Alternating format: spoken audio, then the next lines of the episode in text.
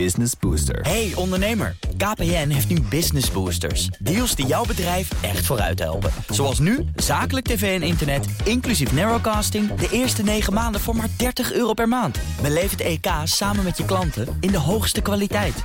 Kijk op kpn.com slash businessbooster. Business Booster.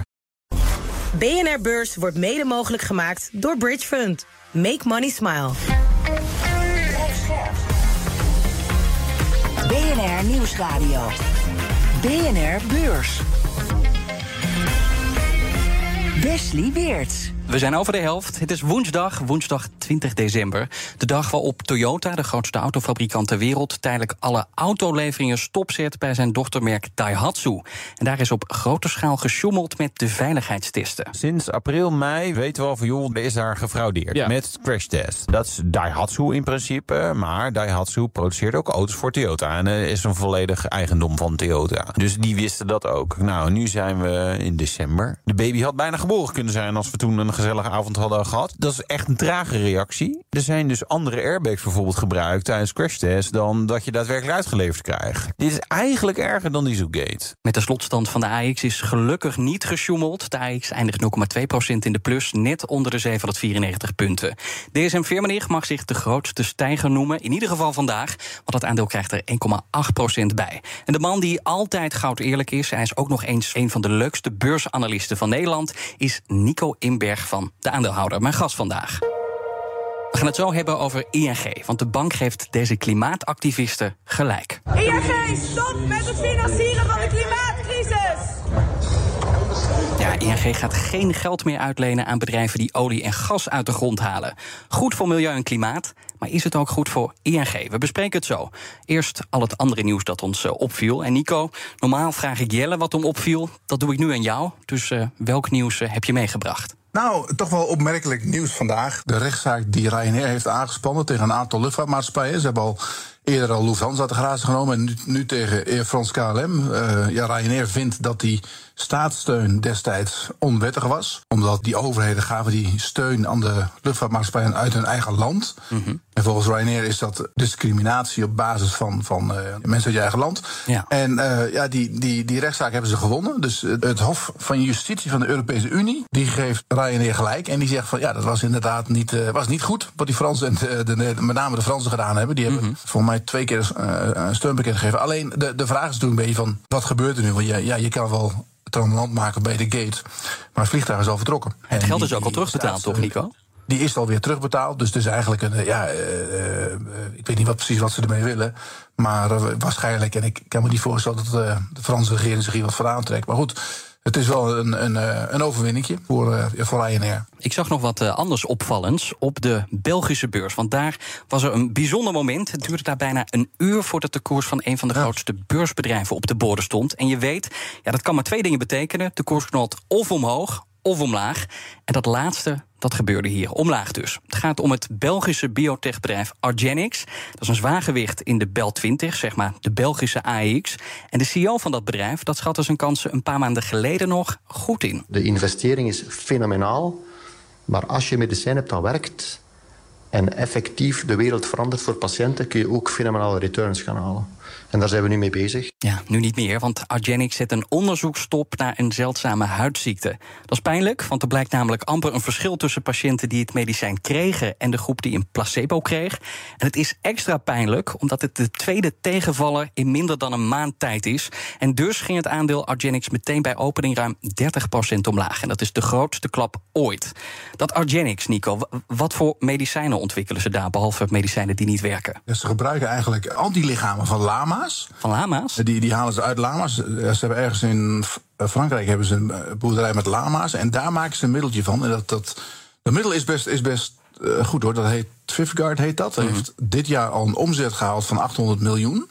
Dus er, er wordt wel uh, ja, veel geld mee verdiend. Alleen, uh, ja, het werkt uh, tegen een spierziekte. En nu hadden ze gehoopt dat het ook werkt tegen een aantal andere indicaties. En ja, wat er aan de hand is, is dat er, ze hebben ongeveer 13 verschillende indi indicaties aangewezen. Er zijn zoveel bezig mee met onderzoek. En mm -hmm. dit is nu al de tweede op rij waarvan ze zeggen van dat gaat niet goed. Van deze werd wel veel verwacht, want ze zeiden van ja, eind van het jaar komen we met, met nieuwe onderzoeksresultaten. Maar die waren helemaal niet goed. En dit, dit wordt dus ook stopgezet. En dat betekent ook dat er ja, weer een stukje toekomst weg is. Ja, want wat is daar nog over van die dat- toekomst, Nico? Van die toekomst Nou, van er is best veel over, want het, is, het is ook niet heel erg. Maar het, het- kijk, als je zegt van, eh, ja, we hebben 13 verschillende indicaties, dus er zit heel veel, heel veel hoop in. Hè, want het moet allemaal nog, nog gebeuren natuurlijk. En eh, dan wordt er eentje afgekeurd en dan wordt er nog eentje afgekeurd. Ja, dan worden beleggers toch wel een beetje zenuwachtig. En dan beginnen ze die aandelen uit te spugen.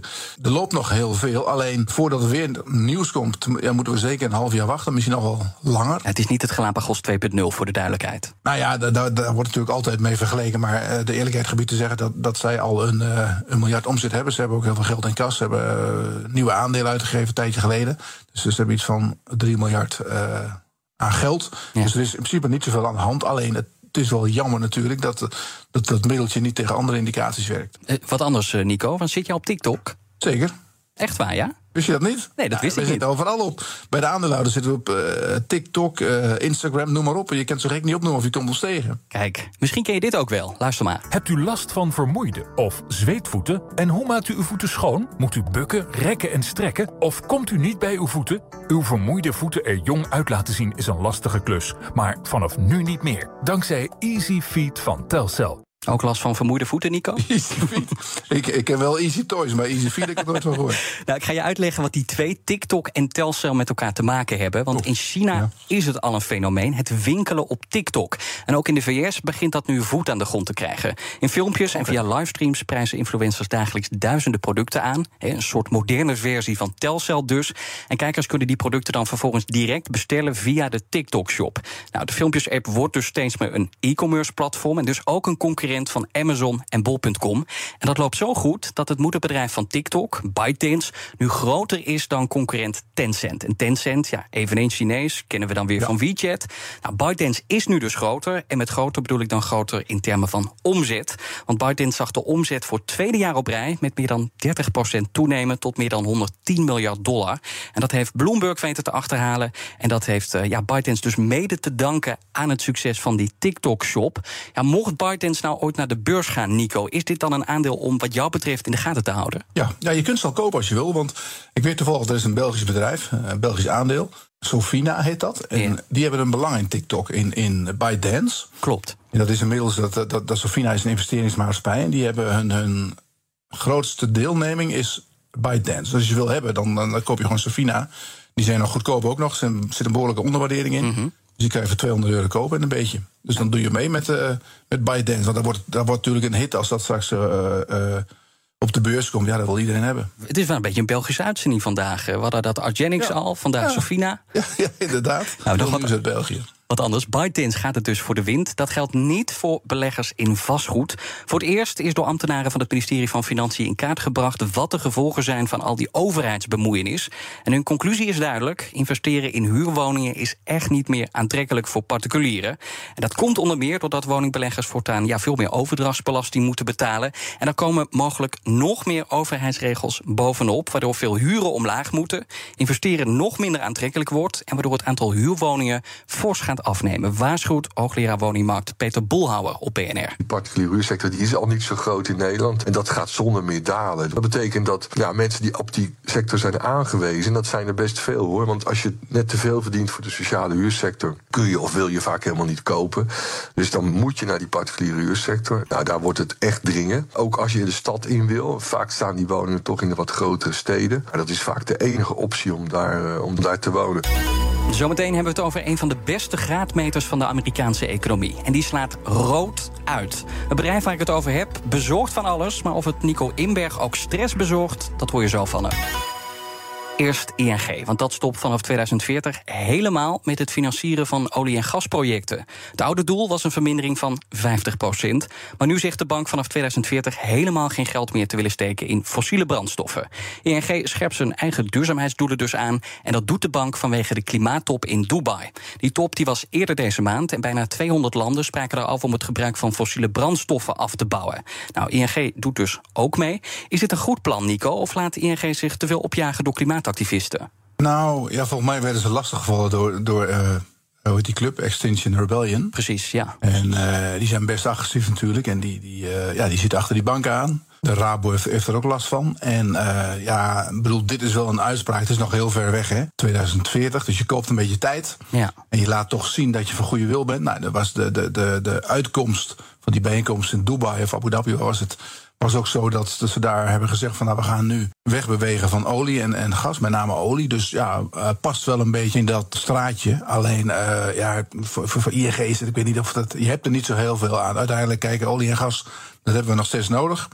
De komende, de komende decennia zeker. En nu hebben de toevallig de oliejongens, die hebben heel veel geld in kas, dus die die kunnen zichzelf wel bedrijven. Maar we moeten wel oppassen dat we niet, niet het, het aanbod afknijpen terwijl de vraag er nog steeds is. Dat is niet verstandig. En uh, ik heb het idee dat de, de bank zich een klein beetje heeft laten opjagen hier door de, de jongens en meisjes van Extinction Rebellion. En, en voor ING, wat betekent deze stap nou voor, voor de bank? Nu ze wegbewegen van nou, fossiel? Ja, denk niet zo heel veel, want uh, ze waren al een beetje bezig om. Uh, kijk, die bank die kijkt natuurlijk ook van waar moet ik in investeren of niet. Aan, aan wie leen ik geld? Nou, uh, je weet dat olie een keer ophoudt en wel op termijn minder wordt. Dus die oliemaatschappij hou je toch al een klein beetje in de gaten. Hè. Dan ga je niet al je geld aan uitlenen, dan wil je niet al te veel risico lopen. ja, momenteel hebben de olieboys die hebben een, twee hele goede jaren achter de rug. Dus die zitten, die zitten zelf ja, tot hun nek in het geld. Dus hebben ook niet heel veel financiering nodig. Ze kopen ook heel veel eigen aandelen bijvoorbeeld. Dus het heeft niet zo gek veel impact. Uh, ja, niet voor de bank en ook niet voor de oliebedrijven. Nee, het is dan veel meer voor de, voor de. Tegelijkertijd zegt ING wel, als wij door blijven gaan met het financieren van die fossiele sector, dan is het grootste gevaar dat uiteindelijk dus die vraag naar olie en gas wegvalt. Waardoor bedrijven verlies gaan leiden en ING naar zijn geld kan fluiten. Maar hoe realistisch is dat? Want je zegt net zelf ook, die vraag naar fossiel is nu nog groot en waarschijnlijk over tien jaar nog steeds. Ja, nou die vraag die gaat wel afnemen, maar het is wat je, wat je ook ziet, en dat was ook een beetje de uitkomst van dat, de, die bijeenkomst in Dubai, dat, dat het, het Westen is best wel bezig om de vraag naar olie in te dammen. Alleen in het oosten, uh, in Azië en dergelijke, daar gaat het juist de andere kant op. De Chinezen bijvoorbeeld hebben heel veel behoefte aan olie. Die kopen heel veel in, die bouwen fabrieken bij. Daar, daar is economische groei. Uh, dus je zult zien dat de komende jaren, decennia, dat met name de, de, de spelers in het oosten, die gaan zich richten op Azië. Die proberen zoveel mogelijk te verkopen, want die willen natuurlijk die olie kwijt aan, ja. aan Aziatische landen. En uh, hier in het westen wordt het anders voor ING. ING die, die financiert met name westerse bedrijven. Dus wat dat betreft hebben ze, wel, hebben ze denk ik wel een punt. En over financiering gesproken, want ING zegt ook... we willen de investeringen in de duurzame energie de komende jaren verdrievoudigen. Alleen, we hebben het ook in beurs de hele tijd over uh, bedrijven, duurzame groene bedrijven, die uh, ja, het op dit moment niet lukt om projecten rond te krijgen, uh, kosten die opgelopen zijn. Dus is er wel genoeg animo voor dit soort ja, duurzame projecten, groene projecten?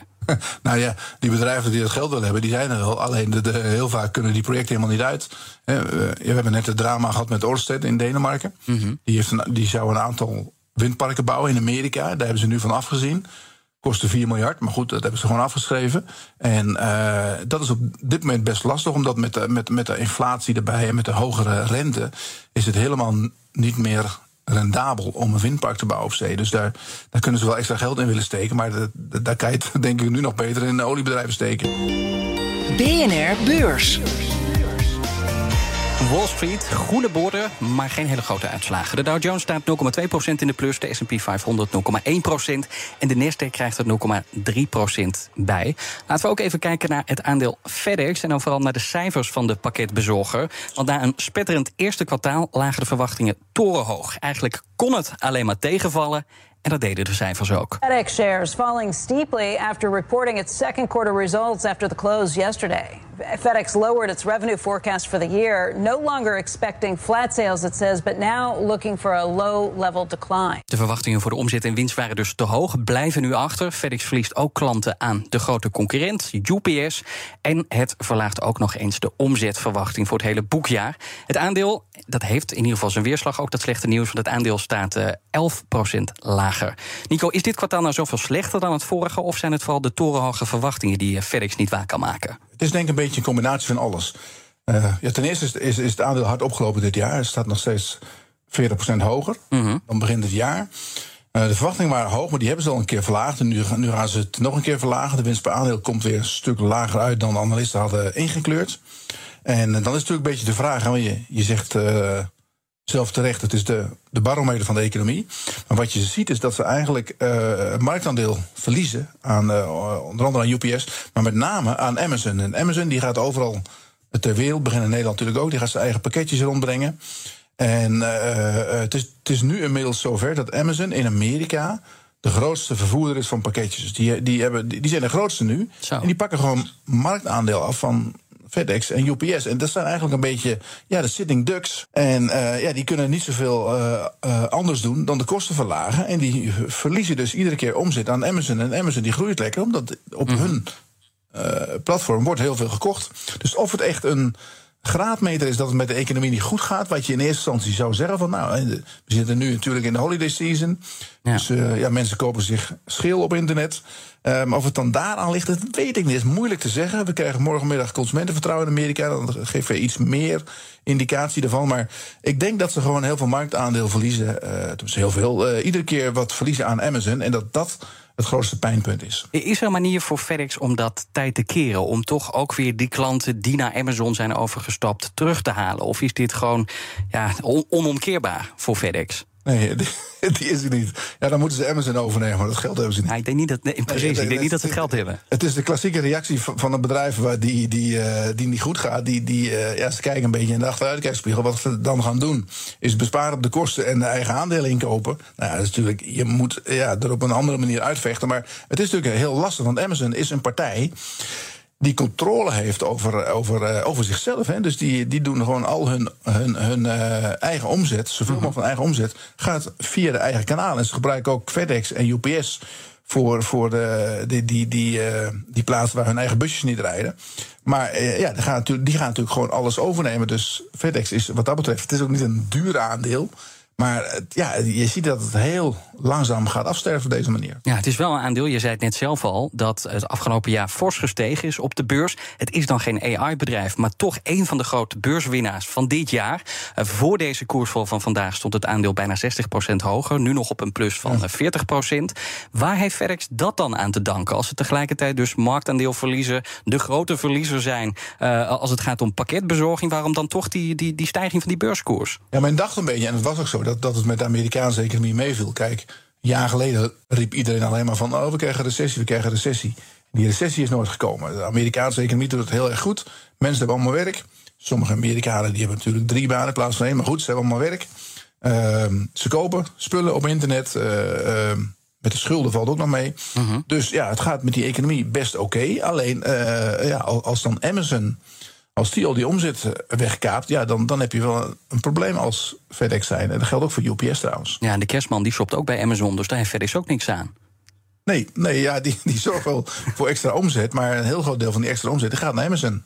En Amazon bepaalt zelf, hè, die, die vullen eerst hun eigen wagentjes. En wat er over is, dan mag weg met FedEx. Ja, daar zit je altijd uh, achteraan natuurlijk. BNR Beurs. Aan al het goeds komt een eind, zeg dat maar tegen de aandelen die we deze week bespreken. Vijf van de slechts presterende aandelen van 2023. Onderaan de lijst eindigen dus, en daar staan een paar opvallers, waaronder het aandeel van vandaag, die van Pfizer. Ja, we zagen het ook al bij Moderna, daar hadden we het eerder deze week over. Ook dat aandeel staat ver onderaan de lijst. Geldt dus ook voor Pfizer. Is dat een kwestie van hoge pieken en diepe dalen bij die uh, vaccinmakers, uh, Nico? Nou, daar heeft het onder andere mee te maken, maar de, ja, er spelen meer dingen. Uh, kijk, corona is achter de rug. Allee, het is er nog wel, maar het, is niet meer zo heftig als uh, dat het was. Nee. Dus de omzet van die twee pillen die ze hebben, het, het Paxlovid en uh, die andere, ook zo raar naam, Comirnaty, dat, dat, dat gaat een stuk lager. Dat was, voor begin dit jaar hadden ze, ze zo'n 12 miljard aan, aan, als outlook gegeven. Nou, dat wordt 8 miljard. Dus scheelt een hoop geld. Er zit natuurlijk wel dikke winst op.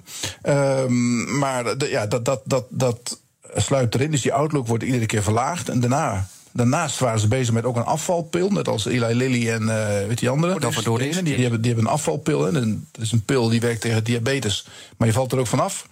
Nou, dat, dat is een hit in Amerika. Maar je weet, Amerikanen zijn gemiddeld niet zo slank als wij hier. Nee, en wij zijn nog niet zo ehm, slank. Ja, wij dan wel, maar veel Nederlanders. Nou, jij wel toch? Ja, ik ook. Jij ook. ja, ik ook. ik ook. Nee, maar goed. Dus uh, Pfizer had ook zo'n pil. En daar, daar zijn ze, uh, wat was het, een paar weken geleden kwamen ze met... Uh, met de resultaten. Maar ja, daar viel je wel vanaf, maar niet heel veel. Dus dat, dat is kansloos. En dan zijn ze mee gestopt. Ja. Nou, dat was ook, toen ging de fantasie uit aandeel. En ze hebben nu de winstverwachting behoorlijk verlaagd. Want ze, ze verwachten 3,15 per aandeel. Dat wordt nu 2,15. En uh, ja, je weet, corona, dat is, die, die, die, die pil dat wordt natuurlijk elk jaar een beetje minder. En nu worden ze ook nog achter de broek gezeten door Texas. De staat eh, Texas, want die heeft gezegd van... eh, jullie hebben gelogen over, over de effectiviteit. Jullie hebben gezegd dat is 95% en het is maar 1%. Dus dan Oh, dat moeten ze ook nog uit zien te redden. En, en, eh, eh, Nico, ze, ze hebben toch ook e- eerder dit jaar of, of vorig jaar een overname gedaan of een overname aangekondigd. Volgens mij is die vorige week goed, goedgekeurd. CGen, eh, gespecialiseerd in kankerbehandelingen. Kan dat investeerders nog overtuigen en die beurskoersen ja, we- omhoog krijgen? Ja, nou ja, het is goed dat ze dat erbij hebben, want ja, ze moesten iets doen aan die omzet. De daling, dus dat, dat gaat nou in ieder geval de goede kant op. En ik moet zeggen, er zit ook wel wat fantasie in, omdat ze best veel, veel in de pijplijn hebben zitten aan nieuwe eh, medicijnen. De, ja, de, de- we spreken daar altijd over fases. Ja. Ze hebben best veel, veel eh, medicijnen die zitten in fase 3. Hè. Dat je- is denk ik 1, 2 jaar voordat het de markt op kan. Alleen, eh, ja, dat, dat, dat, eh, het duurt nog even voordat iets uitkomt. En nu met name met, met eh, corona, wat natuurlijk tegenzit, hè, dat het eh, afgelopen is. Tenminste, eh, voor, voor een groot deel. En die afvalpul die niet lukt, ja, dan ben je toch een beetje het lachetje van de klas. En het aandeel is van mij gehalveerd dit jaar. Dus ja, die gaan ook eigen aandelen inkopen, denk ik, om de koers een beetje te steunen. Dat is dan de, de klassieke reactie. En, en durf jij ondanks de risico's een aandeel Pfizer te kopen of is dit nog niet het moment?